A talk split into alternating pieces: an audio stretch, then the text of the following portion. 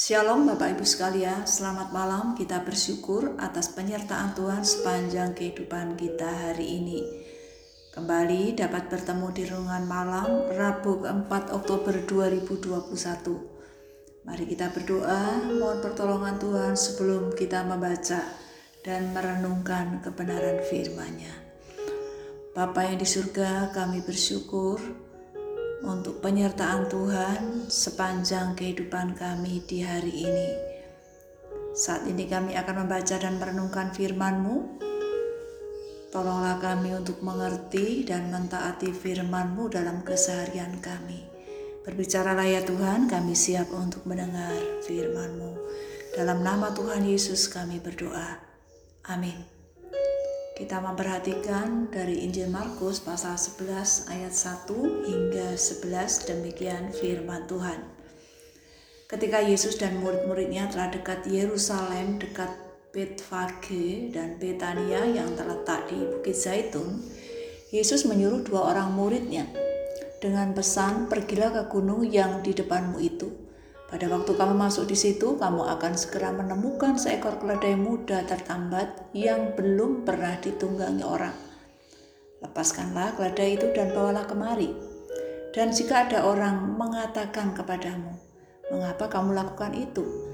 Jawablah, "Tuhan memerlukannya. Ia akan segera mengembalikannya ke sini." Mereka pun pergi dan menemukan seekor keledai muda tertambat di depan pintu di luar di pinggir jalan, lalu melepaskannya. Dan beberapa orang yang ada di situ berkata kepada mereka, "Apa maksudnya kamu melepaskan keledai itu?"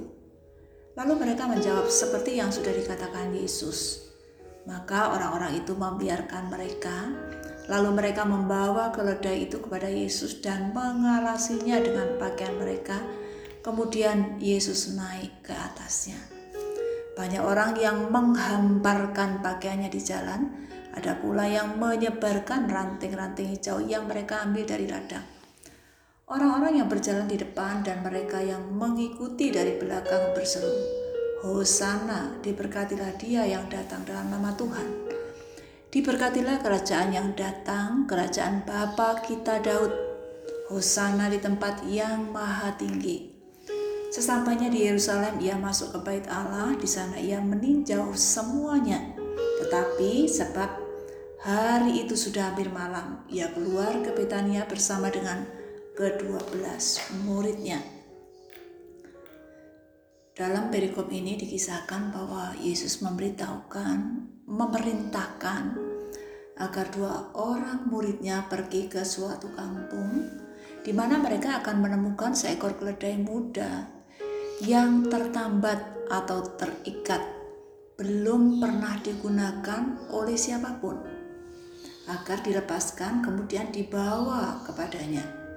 Jika ada orang yang bertanya, "Mengapa kalian mengambil keledai itu atau melepaskan keledai itu?"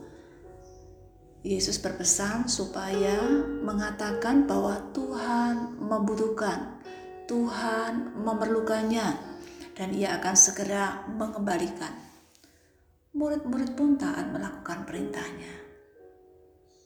Orang-orang yang melihat murid-murid melepaskan keledai pun membiarkan, mengizinkan setelah mendengar jawaban atau penjelasan bahwa Tuhan memerlukan, Tuhan mau memakai keledai itu. Ketika Yesus menunggang keledai, banyak orang menyambut Yesus dengan menghamparkan pakaiannya, menyebarkan ranting-ranting hijau dengan mengatakan, Hosana, diberkatilah dia yang datang dalam nama Tuhan. Diberkatilah kerajaan yang datang, kerajaan Bapak kita Daud. Hosana di tempat yang maha tinggi. Mereka mempunyai harapan besar bahwa Yesus akan menjadi raja yang membebaskan mereka dari penjajahan Romawi. Dengan cara yang sederhana, Yesus datang ke Yerusalem Bahkan ia datang untuk menderita, mati di kayu salib karena kasihnya pada manusia. Kedatangan Yesus ke dunia untuk membebaskan manusia dari dosa, bukan untuk menjadi penguasa yang dilayani. Tetapi Yesus datang untuk melayani manusia berdosa. Murid-murid meresponi perintah Tuhan dengan benar sesuai dengan yang dikehendaki Tuhan. Apakah respon kita setelah mendengar firman Tuhan? Jika orang banyak dalam kisah ini mengetahui siapakah Yesus, kemudian mereka berseru-seru mengagungkan Yesus yang datang ke Yerusalem saat itu. Mengetahui dengan benar siapakah Tuhan itu sangat penting. Sangat menentukan apa yang kita lakukan untuk Tuhan. Oleh karena itu, marilah kita merenungkan dalam hidup kita masing-masing. Sudahkah kita mengenal Tuhan dengan benar? Maukah kita dipakai Tuhan? Maukah kita taat kepadanya? Mengagungkan namanya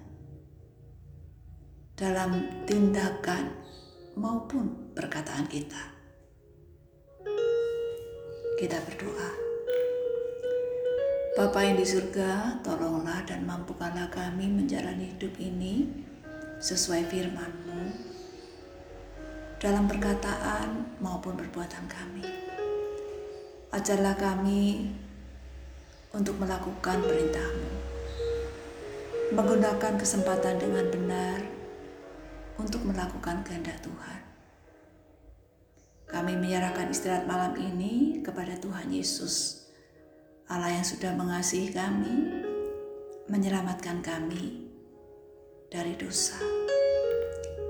Pakailah kami seturut dengan anugerah Tuhan dalam hidup kami.